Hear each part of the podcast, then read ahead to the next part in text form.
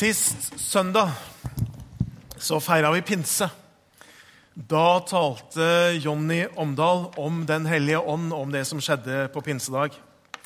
Det var en veldig god tale, så eh, den må du gjerne laste ned på podkast på nettsida vår. Og så kan du eh, høre den. Og så skal vi i dag fortsette litt i det samme. Hvis jeg får opp den litt. Ranne.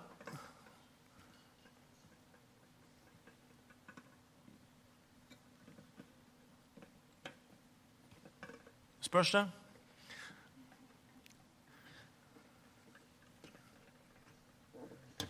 Nei, vi lar den være, vi. Så får jeg heller hente brillene. I hvert fall så skal vi fortsette med å snakke om pinse og Den hellige ånd. Eh, hvorfor det? Jo, fordi i det kristne liv og i kirkens liv så er Den hellige ånd så utrolig viktig. Så viktig at jeg tenker det å bruke bare én søndag i en veldig oval Viken til å feire det, det er litt knapt. Så Derfor så ønsker vi å sette fokus på det. Jul er jo viktig. Vi minnes at Jesus han ble født. Påske er viktig og avgjørende. Jesus han døde for vår skyld, og han ble reist opp fra de døde. Det er grunn til å feire. Men så tenker jeg pinse er jo fantastisk.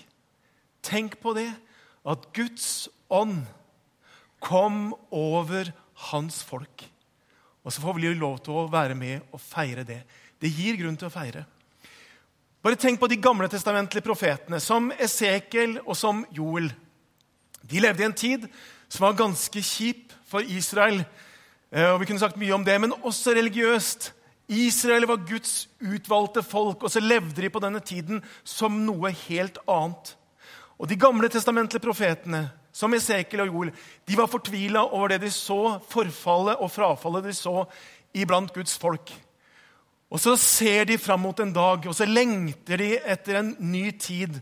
Og så snakker Esekiel om at en dag der framme så skal det skje noe nytt. Hvor steinhjertet blir tatt ut, og de får et kjøtthjerte isteden. Og så profeterer Esekiel og sier fra Gud de skal få min ånd inni seg. Og så kommer Joel, og så ser han noe av det samme frafallet, det samme forfallet. Og så ser også han fram mot denne dagen hvor ting skal bli helt annerledes. Og så profeterer han og sier, i de dager skal min ånd komme over mitt folk. Sønner og døtre skal tale profetisk. Og så skjer dette på pinsedag. Dette oppfylles på pinsedag. Det som de gamle testamenter profetene bare kunne se fram imot, lengte etter, håpe, det skjedde på pinsedag. Da kom Guds ånd over sitt folk. Og så kan vi i dag, 2000 år etterpå, så kan vi feire det. Og så kan vi minnes det. Og så er det noe mer enn faktisk at vi både feirer det og minnes det. Men vi lever i en tid etter pinse, så vi kan erfare det livet. Vi kan leve i en etter pinsetilværelse hvor vi erfarer Den hellige ånd, hvor vi opplever hans kraft, hvor vi har fått lov til at steinhjertet har blitt bytta ut. Vi har fått et kjøtthjerte isteden. Vi har fått en hellig ånd inni oss. Det gir grunn til å feire. Gjør ikke det? Man kan si et halleluja da, egentlig. Eller et amen. Eller trenger ikke vente til neste søndag for det. Det gir faktisk grunn til å feire det. Det er stort. Så Derfor bruker vi én søndag til på akkurat det som har med pinsen å gjøre. Er det greit? Eh, jeg skal bruke en tekst som også Jonny var inne på sist søndag, som rett og slett er den teksten eh, når Den hellige ånd kom på pinsedag. Og så har jeg tre enkle punkter. Jeg vil si noe om at Den hellige ånd er nødvendig for oss. Og så vil jeg si noe om at Den hellige ånd er erfarbar for oss. Og så vil jeg si noe om hvordan da kan man oppleve å erfare eller bli fylt av Den hellige ånd. Vi leser teksten sammen. Da pinsedag kom og ja, Det er Apostelens gjerninger, kapittel 2, vers 1-4, hvis du vil følge med. Da pinsedag kom, var alle samlet på ett sted. Plutselig lød det fra himmelen, som når en kraftig vind blåser, og lyden fyller hele huset de satt. Tunger som av ild viste seg for dem og delte seg og satte seg på hver enkelt av dem. Da ble de alle fylt av Den hellige ånd og det begynte å tale på andre språk ettersom Ånden ga dem å forkynne. Vi skal be. Herre Jesus Kristus, jeg takker deg for ditt ord. Og så takker jeg deg for at det er mer enn en historie om noe som skjedde. Men det er en realitet, og det er en sannhet også for oss. Og så ber jeg at du må tale til oss gjennom ditt ord denne formiddag. Amen. Det første jeg har lyst til å peke på, det er at Den hellige ånd er så nødvendig. Både for oss som kristne, som enkeltindivider, men også for oss som menighet. Den hellige ånd er nødvendig. Når Jesus har stått opp fra de døde, så er han sammen med sine disipler. Og Så gir han dem et oppdrag om at de skulle gå ut i all verden og forkynne evangeliet. De skulle gjøre alle folkeslag til disipler. Men så sier han men dere skal vente på noe. Så når Jesus farer opp til himmelen, så sier han ikke nå skal dere bare gå. Han sier dere skal vente på noe. Hva var det de skulle vente på? Jo, de skulle vente på at de fikk, ble utrusta med kraft fra det høye, som det står. De fikk ikke lov til å bare på en måte rushe av gårde med oppdraget, men de måtte vente til de fikk Den hellige ånd, sånn som var lova. Og så skjer det på pinsedag. Uten Den hellige ånd på pinsedag så tror jeg disiplene fortsatt hadde sittet der bak stengte dører i frykt for jødene. Men på pinsedag så skjer det noe som gjør at livene deres blir totalt forvandla. Det var ikke det at de ikke hadde trodd på Jesus før, men det kom en helt ny dimensjon inn i deres liv. De fikk Den hellige ånd. Det var paradigmeskiftet, det var game changeren. Det ble helt nytt. De fikk lov til å stå i en helt annen tjeneste. Og det Jesus sier, det er at uten Den hellige ånd kommer over dere, så kan dere ikke gå med dette oppdraget. Vi trenger Den hellige ånd for å kunne leve som kristne i den tiden vi lever i, for å kunne gå med det oppdraget som Han har gitt oss. Kirken ble til da Den hellige ånd kom over disippelflokken. Og uten pinse så hadde vi ikke sittet her. Da ble Kirken til Kirken, når Den hellige ånd kom over Guds folk. Sånn som det var med de første kristne, sånn er det også for oss. Vi trenger Den hellige ånd i våre liv. Vi trenger den tredje personen i treenigheten få lov til å komme inn i våre liv. Og hva er Den hellige ånds største, fremste og viktigste oppgave? Jo, Det er sånn som jeg synger mange sanger om i dag. Det er faktisk å herliggjøre Jesus for oss. Det er å tydeliggjøre Jesus for oss. Det er å la oss bli begeistra for Jesus. Det er Den hellige ånds viktigste oppgave. Lyskasteren som flommer sitt lys over Jesus Kristus. Så hvis du kjenner i ditt indre at du er begeistra for Jesus, hvis du kjenner at du, at du, er nysgjerrig på Jesus, at du gjerne vil fortelle om Jesus, ja, så er det noe av Den hellige ånds virke i ditt liv. Vi trenger Den hellige ånd for fullt ut å forstå hvem Jesus Kristus er. Men vi trenger også Den hellige ånd for å bryte gjennom til et dypt og genuint kristent liv. Johannes han sier det sånn at dere må bli født på ny. Dere må bli født av vann og ånd. Og Det er det det handler om. Å bli en kristen handler mer om å vite så og så mye eller ha de rette argumentene. Men det handler om å få et gjennombrudd til et liv med Ånden.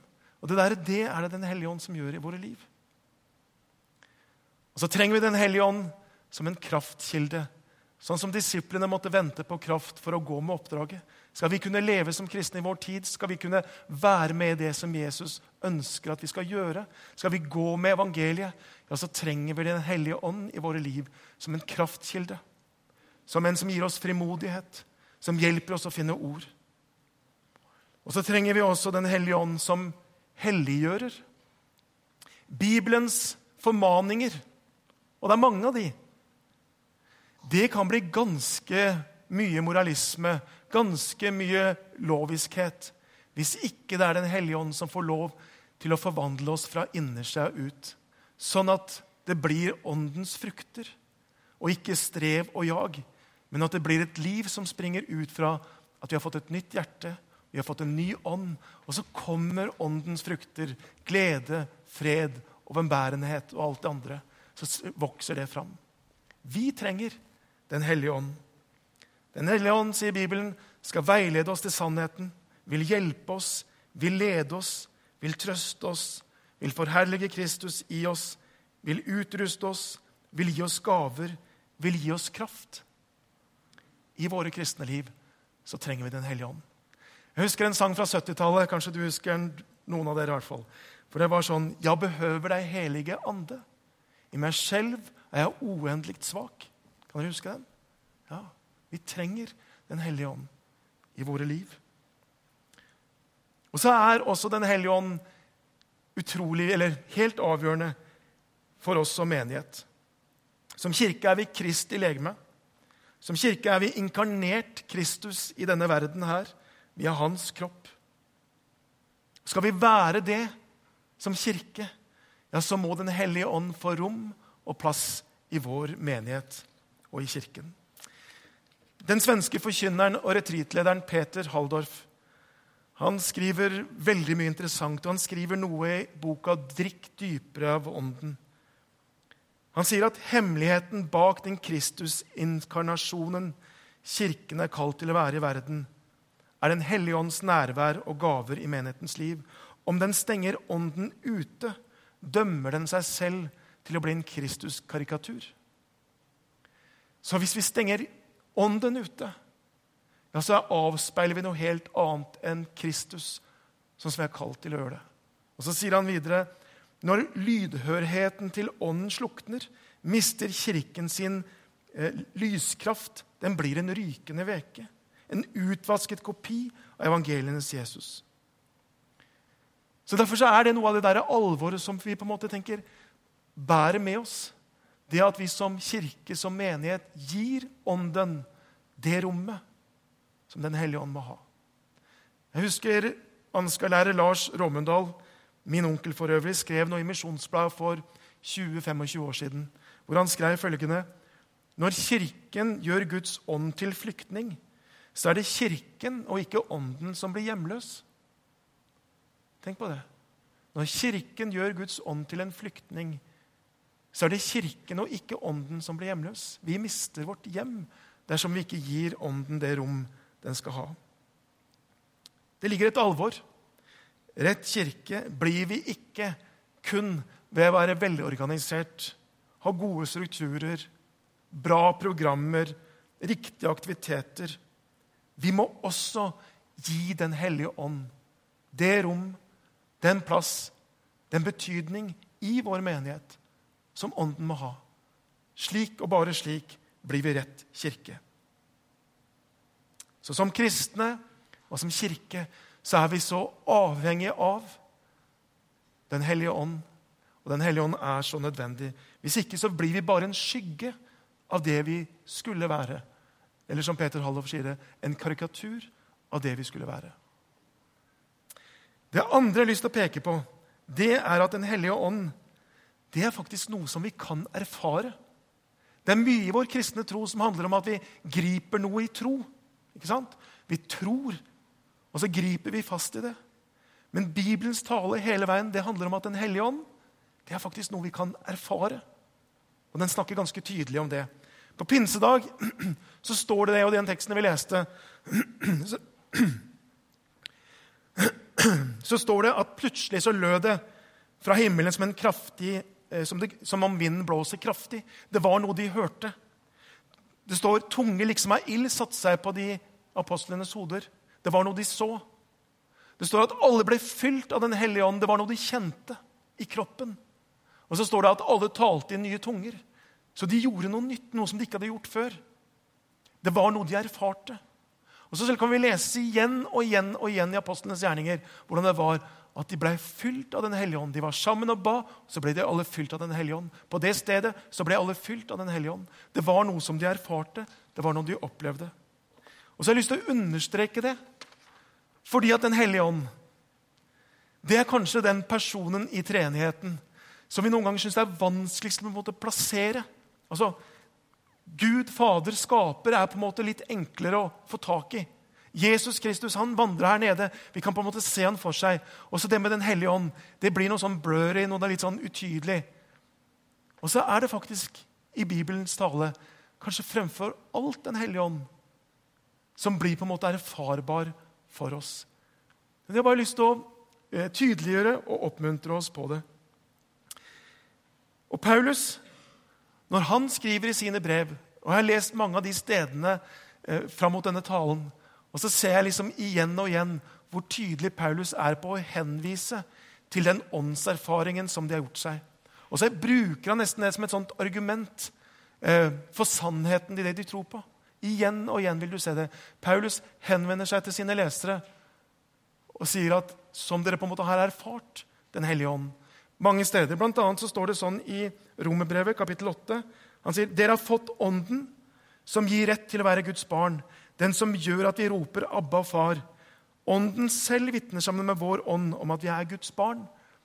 Og det er som Paulus sier, om du noen gang skulle bli i tvil på om du er Guds barn, om du noen gang skulle begynne å lure på om du virkelig er Guds barn, så husk at den ånden som du har erfart, som du har fått, som du har møtt, den ånden, den erfaringen, vitner sammen med eh, Den hellige ånd om at du nettopp er Guds barn. Som et bevis på det løftet. Eh, og et sånt begrep som Jeg vet ikke, jeg har vært veldig opptatt av det begrepet i Bibelen. Og tenkt på det i mange år, egentlig. Og det er når Paulus snakker om at vi har fått Den hellige ånd som seil og pant. Har du tenkt på det? Vi har fått Den hellige ånd som seil og pant. Hva er pant for noe? Ja, det er jo noe du får når du går i automaten ikke sant? og leverer noen flasker. så får du pant. Men pant det er jo en verdifull gjenstand som du får som et bevis på det løftet som, at du skal få mer, eller det kravet du har. Det er pant. Eh, så det er på en måte det der håndfaste beviset. Ja, jeg vet jeg kommer til å få den innbetalinga der, for jeg har jo denne verdifulle gjenstanden her som pant. Eh, eller det kan være på en måte et første avdrag på en hel sum som vi kaller håndpenger noen ganger. Det er også et pant. Så Den hellige ånd i våre liv det er ment å være det håndfaste, konkrete, som du har erfart og som du har opplevd. Og så er det et bevis på det løftet som du har fått. At du har fått arven hos Gud. At det finnes en himmel der. At du er Guds barn. De løftene de har en pant. Det er det Paulus sier. Det er Den hellige ånd. Det er erfarbart. Det er noe du skal få lov til å på en måte ha opplevd og erfart. En av, eh, en av eh, vår tids beste eller, teologer eh, og eksegeter som forsker med Bibelen, han heter Gordon Fee. Og han sier det sånn. Han sier frelsen i Kristus er mer en teologisk sannhet som utelukkende baserer seg på hva Gud har gjort, og Kristi verk i historien. Og så kommer det frelsen er også en opplevd virkelighet gjennom ånden personen har kommet inn i i våre liv. Frelsen er ment også å være noe vi skal erfare. Og hvorfor sier jeg det? Og så tenker du, Kanskje noen tenker det der med Den hellige ånd det var noe jeg erfarte for lenge siden. Eller kanskje du tenker det har jeg aldri erfart. Og Jeg har ikke lyst til på en måte å si det for at noen skal føle seg ikke uåndelig eller eh, annerledes. eller noe sånt. Noe. Men, jeg, men, hvis du kjenner deg og tenker det der har jeg egentlig ikke erfart, så jeg har bare lyst til å si det ligger noe fantastisk spennende foran deg. Det er faktisk noe fantastisk spennende det å kunne erfare og gjøre erfaringer med å bli fylt av Den hellige ånd. Så det har jeg bare lyst til å si. Eh, ikke nøy deg før du har fått tak i det. For det går an å gjøre. Guds ord sier at alle kristne har Den hellige ånd. Paulus sier til og med at ingen kan si at Jesus er Herre uten i Den hellige ånd. Så på en måte når vi bekjenner Han som Herre i våre liv, ja, så sier Skriften da har vi Den hellige ånd. Og Samtidig så oppfordres vi i Skriften til å bli fylt av Ånden, til å la oss fylle, til å gjøre erfaringer, la Hans ånd overøse oss i våre liv. Det er vår oppfordring. Så det er mitt ønske og min lengsel for alle dere som er her, og for vår menighet. At vi skal på en måte gjøre disse erfaringene. At vi skal kunne få lov til å oppleve og erfare Åndens fylde i våre liv. At vi skal erfare Den hellige ånd iblant oss. Det er den lengsel og det det ønsket jeg har for oss og for menigheten. Og så er det siste som jeg skal si noe om, det er hvordan. da? Hvordan kan vi på en måte oppleve noen av disse tingene? Hvordan kan vi gjøre noen av disse erfaringene? Og hvordan-spørsmålet Jeg synes Det alltid er veldig interessant når jeg hører noen preke. så tenker jeg på, ok, det er fint alt det der, men, men hvordan da? Hvordan kan jeg gjøre de erfaringene? Hvordan kan jeg oppleve det? Hvordan kan jeg få Ikke sant? Er du litt enig? Og så er det et viktig spørsmål, og så er det et fryktelig vanskelig spørsmål. For det er egentlig litt sånn at hvis det hadde vært en sånn oppskrift som heter hvis, hvis jeg gjør én, to og tre, ja, da gjør Gud fire. Hvis jeg ber og faster, ja, da snakker Gud til meg sånn og sånn. Hvis jeg gir masse penger, ja, så velsigner Gud meg sånn. Ser du hva som skjer hvis det hadde vært sånn? Da er det jo plutselig jeg som styrer Gud. Ikke sant?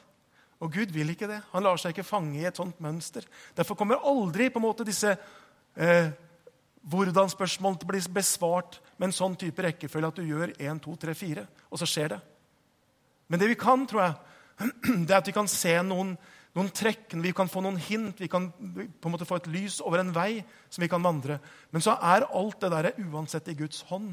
Han er denne allmektige Gud, og han bryter alle våre mønster. Og han svarer noen ganger når vi ikke har spurt, og han svarer ikke når vi har spurt lenge. Og, ikke sant? Fordi Gud er Gud. Og sånn må det være. Og Hvis det ikke hadde vært sånn, så var det vi som styrte Gud, og ikke omvendt. Og Da blir det magi og ikke en personlig gudsrelasjon vi snakker om. Men hva allikevel kan være noen av de der hintene, noen av de der veiviserne?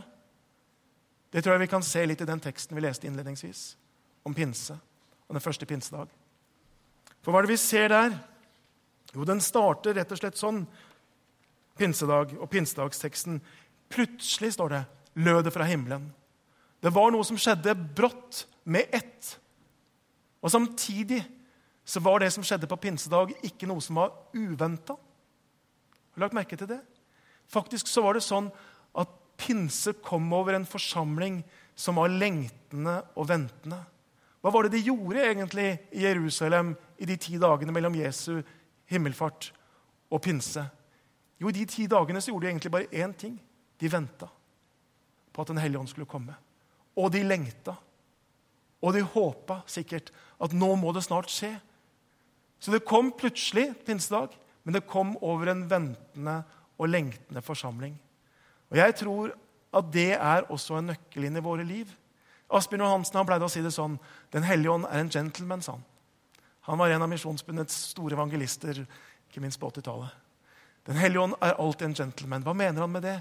Jo, Den hellige ånd er ikke en som trenger seg på.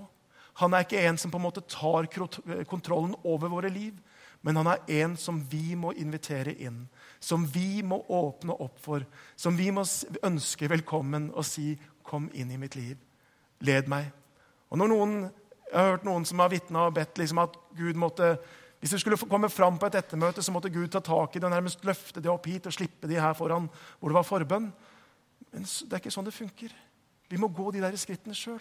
Vi, vi, må la Gud på en måte, vi må invitere Han inn i våre liv. Den hellige ånd kom over en ventende og lengtende forsamling. Så tenker jeg hvordan er det i denne forsamlingen? Er vi en ventende og lengtende forsamling? Så kan du tenke på hvordan er det i ditt liv. Er det der med Den hellige ånd noe som du helst vil holde på en armlengdes avstand? Eller er det noe som du tenker det der gjorde meg litt ferdig med når jeg var ungdom? Eller er det noe som du tenker jeg har venta og lengta på så lenge at jeg helt har gitt opp? Så hvordan, hvordan er det med ditt liv? Går det an å gjøre noe med det? De gamle kirkefedre de sa noe om det. De sa at det første en må gjøre for å erfare Den hellige ånd i sitt liv, det er å skape en indre lengsel og en lyst etter i større grad å være fylt av Den hellige ånd. Og Lengsel er ikke så lett å skape. Den på en måte bare er der. Og Samtidig så går det an kanskje å gjøre noen ting som gjør at en lengsel har grobunn. Det går an å holde seg nær noen mennesker som man merker har et sånt åndsfriskt liv. Så skaper det kanskje en lengsel inni en. Det går an å lese Bibelens tekster, Johannes evangeliet, apostelens gjerninger, i brevene om Den hellige ånds virke. Og så skaper det en lengsel etter å oppleve noe av det. Eller En kan lese bøker om mennesker som var åndsfylte kristne. Og så skaper det en lengsel i seg. Og så er kanskje det med lengsel det er kanskje en nøkkel for rett og slett også å gjøre de samme erfaringer. Så det var det første. Den hellige ånd kom over en ventende og lengtende forsamling. Det andre jeg har lyst til å peke på, det står Da pinsedag kom, var alle samlet på ett sted. De var sammen. Og Den hellige ånd den møter oss individuelt, deg og meg. Det står at På pinsedag så kom disse flammene over disiplene og delte seg på hver enkelt. Alle sammen fikk individuelt en erfaring med Den hellige ånd. Og Samtidig så skjedde det når alle var samla på ett sted. Det er mange av løftene til Den hellige ånd som nettopp er knytta sammen med det kristne fellesskapet. At det skjer der. Og Mange har opplevd at nettopp i forsamlingen, under lovsangen, i forbønnsstunden, eh, under forkynnelsen, da kjente de at de ble fylt av Den hellige ånd på nytt. Så viktigheten av faktisk å komme sammen, vikten av å stå sammen, holde sammen som Guds folk, er en nøkkel til nettopp dette vi snakker om i dag. Det siste jeg har lyst til å peke på, og som jeg legger merke til om disiplene og før pinse, det var at de var samla i Jerusalem i ti dager. Hva var det de gjorde? Jo, det står at de var sammen, og de holdt ut i bønnen. De var samla til et bønnemøte som varte i ti dager. Og pinse kom på tampen av disse ti dagene. Jeg syns det gikk veldig fort mellom Kristi himmelfartsdag og pinse i år. med 17. mai mellom alt det der. Men ikke sant, tenk jeg et bønnemøte som varer disse ti dagene. Ikke sant? Og så ber de én dag. Og Hva ba de om? Ja, vi vet jo ikke det, men antageligvis så ba de om at Den hellige ånd måtte komme. For det var jo det de venta på. Så ba de én dag, ingenting skjer. To dager, ingenting skjer. Tre dager. Skal vi gi oss? Ikke sant? Det er lett å tenke sånn. Men de gjorde ikke det. De ba i ti dager. Og da kom Den hellige ånd over dem. På slutten av et langt bønnemøte så er det pinse kommer. Så viktigheten av nettopp å be. Og Noen ganger så tror jeg det er sånn at Den hellige ånd kommer over oss nettopp i en bønnesituasjon. Det kan være en kort, det kan være en lang. Noen ganger må vi kanskje være utholdende som disiplene. Men at Den hellige ånds kommer fyldig i våre liv, og bønn henger sammen, det er ganske tydelig. Det finnes en gammel kirkebønn Veni sancte spiritus heter den på latin. På norsk Kom, Hellige Ånd. Kom, Hellige Ånd. Det tror jeg Jeg kjenner at det har jeg lyst til at vi skal be sammen. Kom, Hellige Ånd. Be det for våre egne liv. Be det for vår menighet. Når vi ber 'Kom, Hellige Ånd', så betyr det jo ikke at Den hellige ånd ikke har kommet. Det er ikke det det handler om. Men det ber og invitasjon om at han kan komme inn i våre liv. Og at han kan komme inn i vårt fellesskap. Kom, Hellige Ånd. Vi trenger, tror jeg, også å bli bevisst at Den hellige ånd er nærværende og er virksom i våre liv.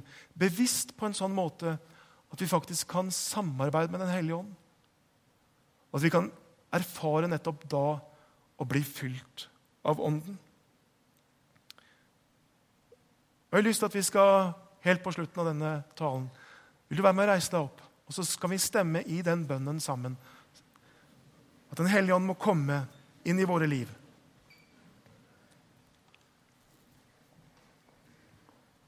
Herre Jesus Kristus, vi står innenfor din trone. Og så lengter vi etter at du skal komme med din ånd inn i våre liv og inn i vårt fellesskap, Herre. Og så har vi lyst til å be at du skal komme. Må du komme, Herre, inn i våre liv.